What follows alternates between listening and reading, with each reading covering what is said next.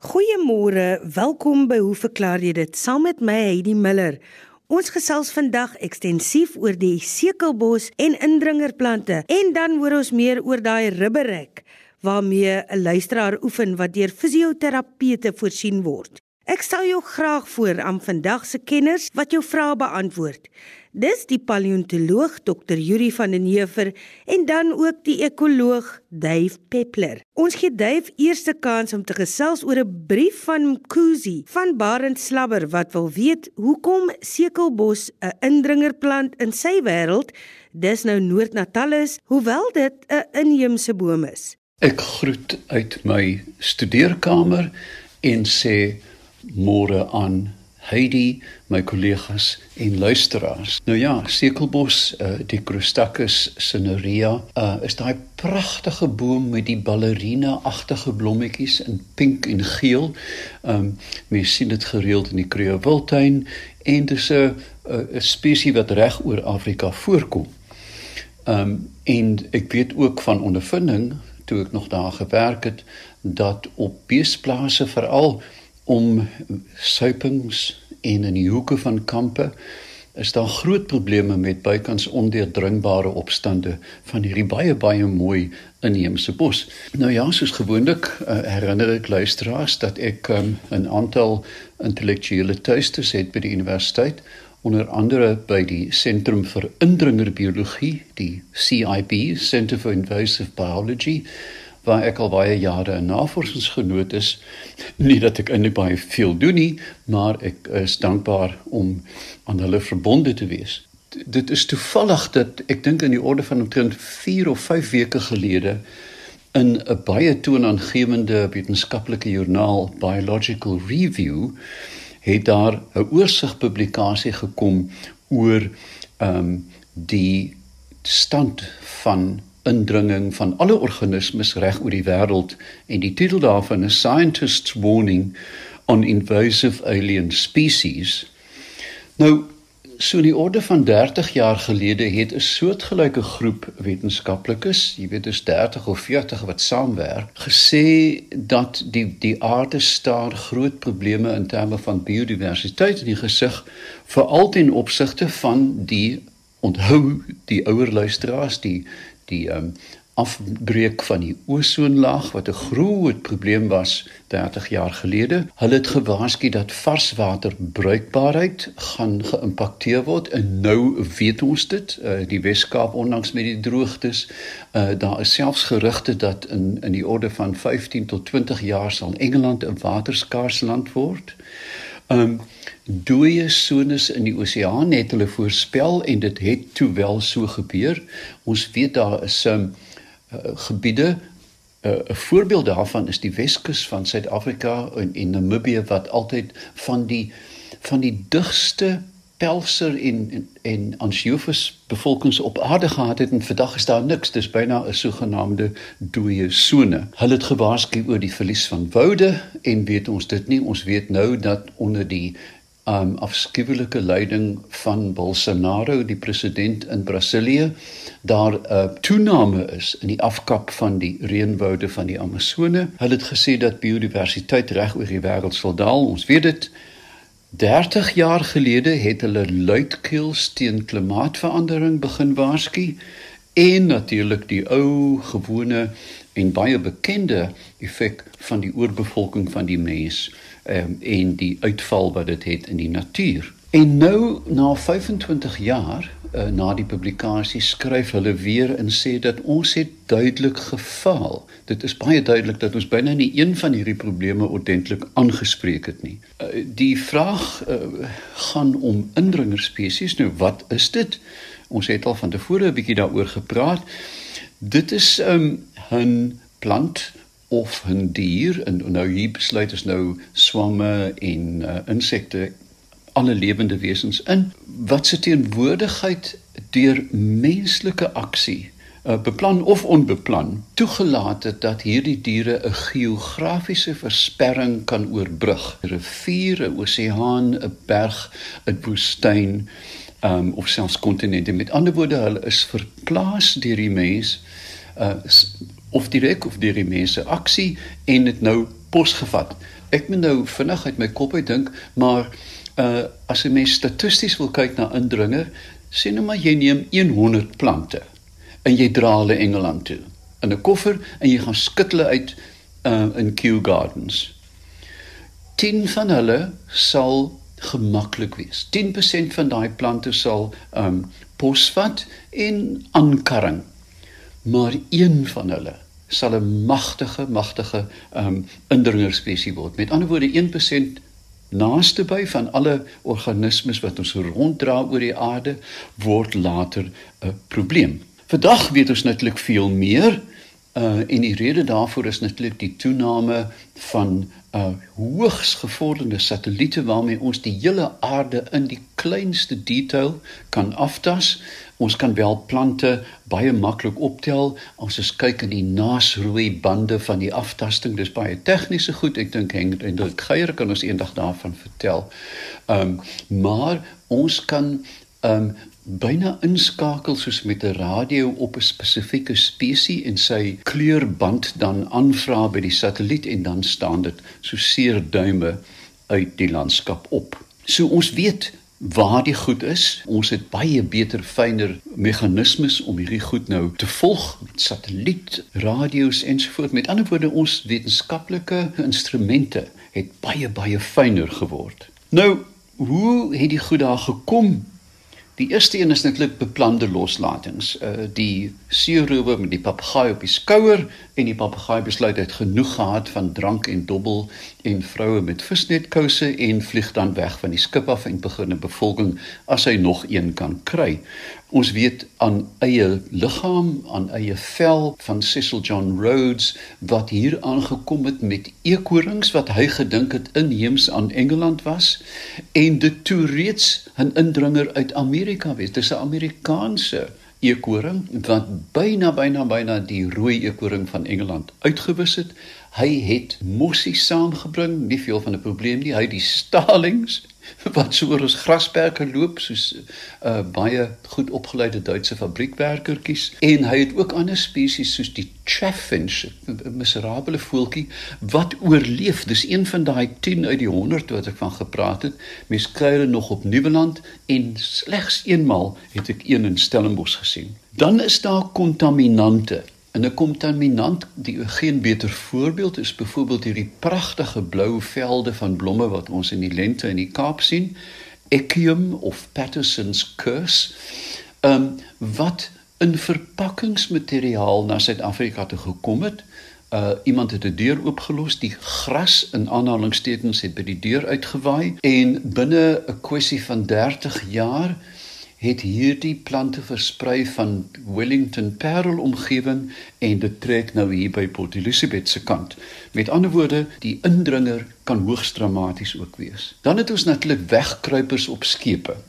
Uh en vliegtye, ons weet dat die van julle wat gereeld vlieg baie plekke as jy opstyg sê hulle, hulle moet ongelukkig nou die kajuit steriliseer en dan kug en hoes jy nou vir die volgende 10 minute na daar 'n wolk van gif op jou neergesak het. Maar groter probleme is natuurlik 'n skip. As jy byvoorbeeld 'n skip nou maar in Dubai sal vas meer naby 'n koraalrif en jy's besig om dit te laai, daar sal altyd klein plantjies wees wat aan die romp van die skip vashou.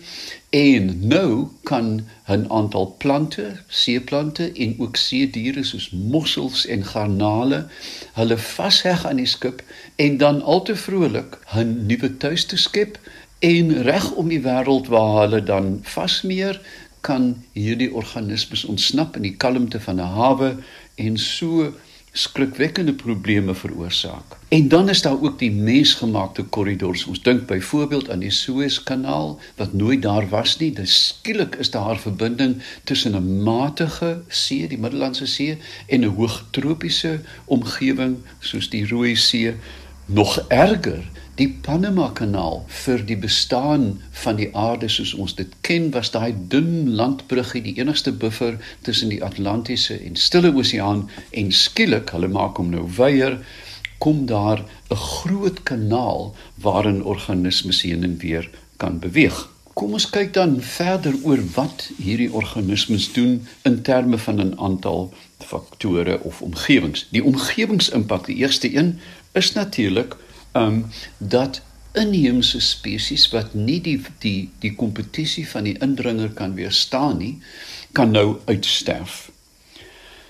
Dit is ook heel moontlik dat hierdie spesies kan teel, kruisteel met inheemse en so die hele genetiese basis van die bevolking uh, kontamineer. En hier dink ons spesifiek in een van die, my groot vrese is ons fabelagtige mooi vaalboskat, ehm um, Afrika se wilde kat wat geredelik met huiskatte uh, teel. En daar vind ons natuurlik dat die dat basters dan die wêreld betrek en so die genepool van die oorblywende bevolking verdun tot op 'n punt waar dit byna onmoontlik is om 'n suiwer individu te kry 'n tweede voorbeeld is ons pragtige geelbek eend wat ook gereedelik barster met die mallard, daai pragtige eend wat mense in die parke van Londen sien met die potblou eintlik metaalblou venster op die vlerk bekend staan as 'n speculum. En die tweeetjies is baie onnutsig een dis nou nie nie koei nie maar op die dam en so vind ons hibride en daar is 'n goeie kans dat ons inheemse volking finaal gekontamineer kan word deur hierdie diere. Ons kyk byvoorbeeld na eilande soos Madagaskar wat van bo tot onder en van oos tot wes ingedring is met gemmerplante, die hemel weet wat alles. Daar is baie riviere wat jy bykans nooit kan uitkom nie as gevolg van die ewige indringing. Ons weet van die katte op Marion wat stuksgewys ontsnap het en binne 10 jaar 'n totaal nuwe morfologie aangeneem het. Hulle sterte het korter geword, hulle uh, hare dikker, haardos die onderlaag en hulle het op 'n groot skaal van die seevoëls begin opvreet en dit het jare en jare geneem om die spul weer onder beheer te kry. Ons weet van die swamme wat ontsnap het uit Suid-Afrika vermoedelik met platannas uh, wat nou die wêreldbevolking van, van paddas uh, bedreig deur die blote feit dat hulle geen weerstand teen hierdie swamme het nie. Nou ja, 'n nog 'n groot vektor, nog 'n groot drukpunt is menslike welvaart. Hoe ryker 'n gemeenskap is, hoe meer geneig is hulle om vreemde goed rond te dra en rond te stuur. Dit gebeur gewoonlik byna nooit in arm of onderontwikkelde landskappe of gemeenskappe nie en hier word die probleme dan gekompakteer. En 'n mens kyk ook ehm um, daar uit hierdie punt na die impak op menslike welvaart as ons dink aan waterhiasinte wat reg oor die wêreld lieflike blomme die ehm um, Hartbeespoort dam uh totaal vernietig het. Uh, die Victoria meer daar is honderde vierkante kilometer waar jy glad nie meer kan visvang nie.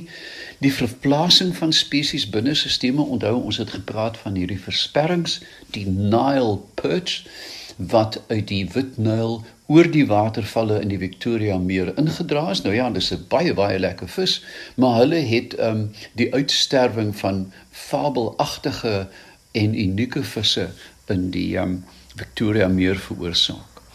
Dan weet ons jellyvisse wat in die Swartsee ingedra is van die Mediterrane See, hulle was nooit in die Swartsee nie en nou is die visnette vol van jellyvisse en dan finaal die uh, bekende uh, Vespula germanica, die Europese wesp wat nou ons baie so uh, uitklophoue gee. Dan net vinnig, ons het gereedskap om dit aan te spreek internasionale ooreenkomste alhoewel ek nie dink dat die antwoord is nie as ons kyk byvoorbeeld na die Parys ooreenkoms wat Donald Trump binne 'n maand opgeskeur het en die hele proses met jare teruggesit het.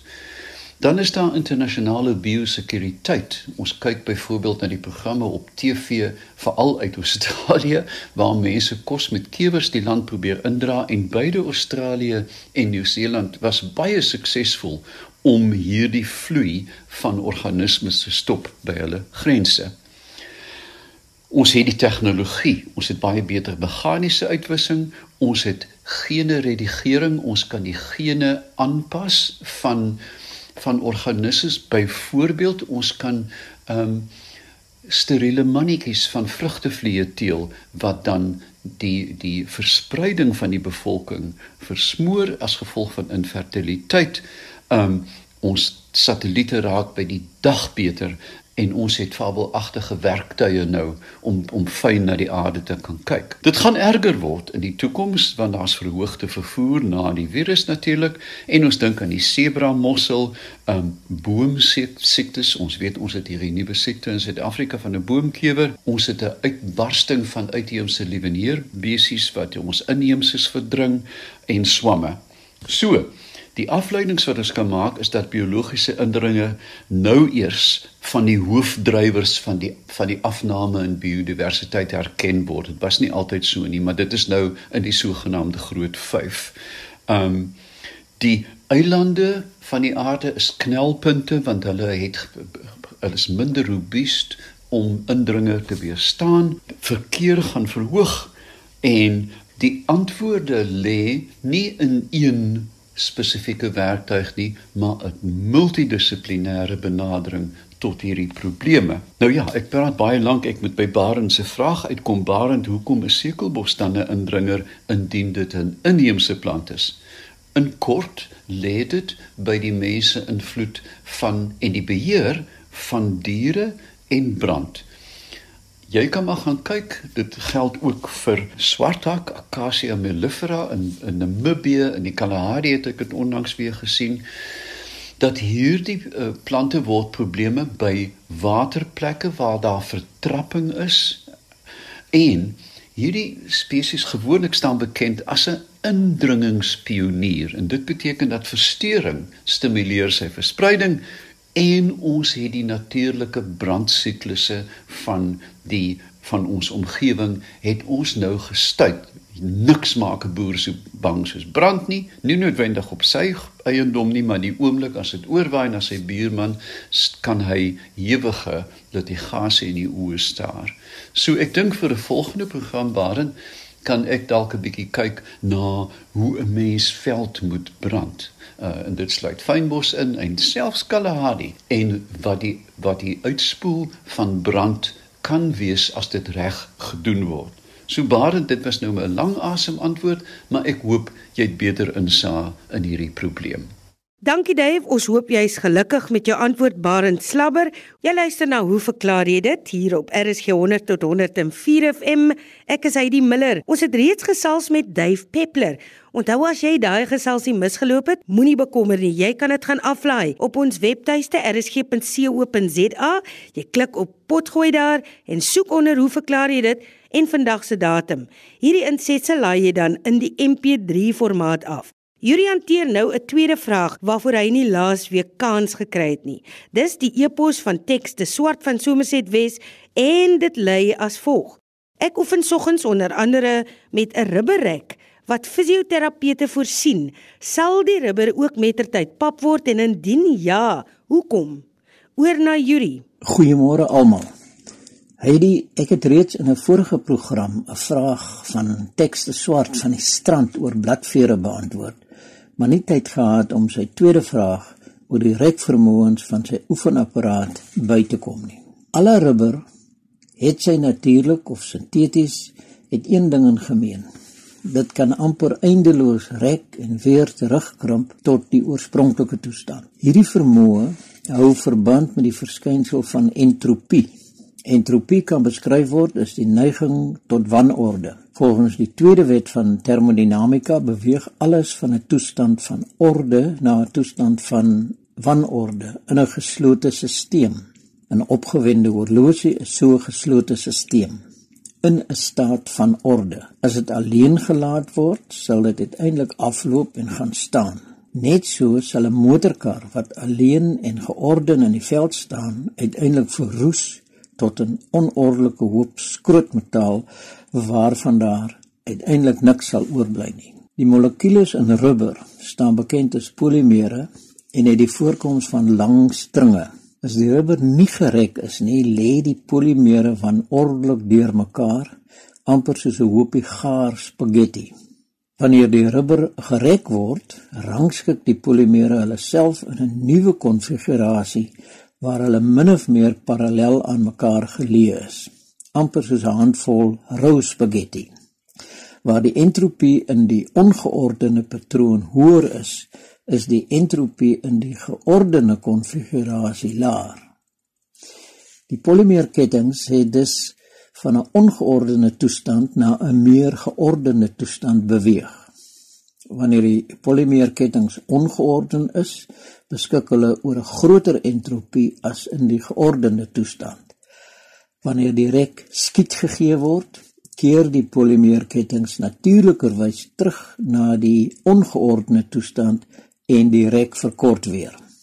Mens kan dit proefondervindelik waarneem. As jy 'n stukkie rubber vinnig rek en teen jou lippe hou, voel dit warm. Wanneer mense 'n stukkie rubber rek, word die polymeerkettinge reguit getrek, die volume verminder en die temperatuur neem toe, net soos wanneer 'n gas saamgepers word.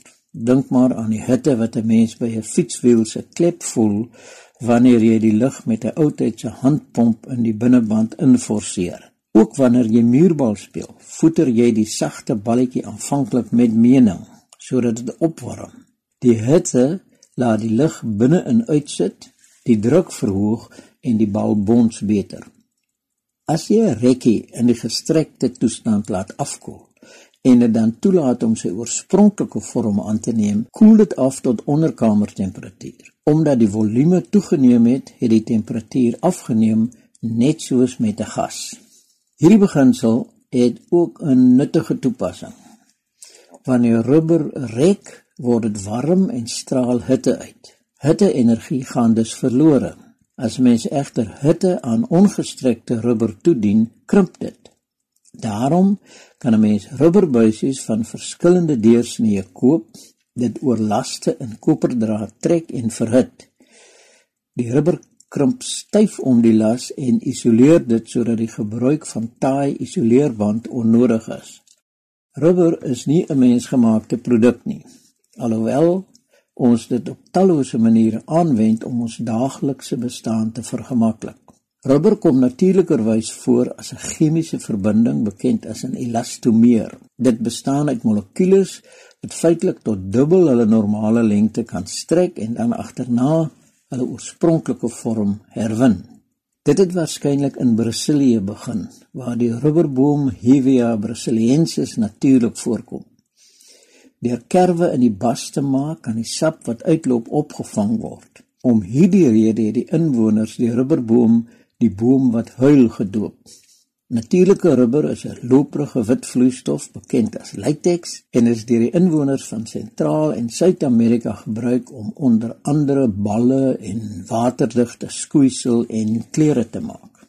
Die Franse ontdekkingsreisiger Charles Marie de la Condamine het van die sade versamel en in 1731 reeds dit in Europa bekend gestel. In 1770 ontdek Joseph Priestley, die man wat ook sienstof ontdek het, dat stukkies rubber potloodskrif kan uitvee. In Engeland word uitveer selfs vandag nog rubbers genoem. In 1823 patenteer die Skot Charles Mackintosh 'n metode om reënjasmateriaal waterdig te maak met rubber en in baie lande staan reënjasse vandag nog bekend as Mackintoshes. In 1839 vind Charles Goodyear uit hoe om rubber te vulkaniseer toe hy rubber wat met swaal behandel is per ongeluk op 'n warm stoof laat val. Dit was 'n besondere deurbraak want dit het gelei tot duursame motorbande. Tans word die basiese proses steeds gebruik deur swavel by die polimeermengsel te voeg en dit te verhit. Deur die proses van vulkanisering vorm addisionele kruisverbindings tussen die polimere wat die materiaal versterk en die rekbaarheid verbeter. In 1876 smokkel die Engelse ontdekkingsreisiger Sir Henry Wickham duisende rubberboomsade uit Brasilië na die bekende botaniese tuin Kew Gardens, destyds net buite Londen. Saailinge is uiteindelik na lande in Asië uitgevoer en die plantasies daar lewer nog steeds die meeste van die wêreld se natuurlike rubber. Sedertdien is die elastisiteit van rubber verbeter deur die toevoeging van stowwe bekend as plastiseerders. Die grootste vyande van rubber is egter suurstof en ultraviolet lig. Blootstelling aan suurstof en sonlig sal die chemikalieë in onbehandelde of substandaard rubber laat afbreek en die rubber uiteindelik laat verkrummel. Dames vind dikwels dat die rubbersole van aantreklike skoene uit die ooste na 'n jare wat doodgewoon uitmekaar val. Blootstelling aan ozon het dieselfde effek. Uiteindelik sal sonlig die polimere en plastiseerders en selfs behandelde rubber ook afbreek. Soos met alle dinge in die natuur is daar egter 'n funksionele afbreekpunt. Natuurlike rubber verloor relatief gou sy rekvermoë en selfs moderne rubber, alhoewel dit baie lank mag hou, sal uiteindelik soeg vir die meedoenlose tred van die tyd en elastisiteit begin verloor. Teks as jy dus eendag vind dat jou daaglikse oefensessies met jou rekapparaat jou nie meer moeg maak nie, is daar mynsiens twee moontlike redes. Of jy het soveel spierkrag ontwikkel dat die apparaat nie meer vir jou 'n uitdaging is nie, of die rubber se rakleeftyd is verby. Dankie vir interessante vrae. Bly tuis en rek jou rubber gereeld. Dankie aan vandag se gaste, die paleontoloog Dr. Yuri van den Heever en die ekoloog Dave Peppler. Aanstaande week het ons vir jou nog 'n paar interessante verklaringe oor buideldiere wat in Noord-Amerika voorkom. Aangesien buideldiere tog eie aan Australië 'n geïsoleerde eiland is, hoe het hulle daarvandaan na Noord-Amerika versprei? Hoop jy skakel dan weer in om 12:30. Geniet jou Sondagmiddag verder. Ek glo jou middagete is of sal voortreffelik wees.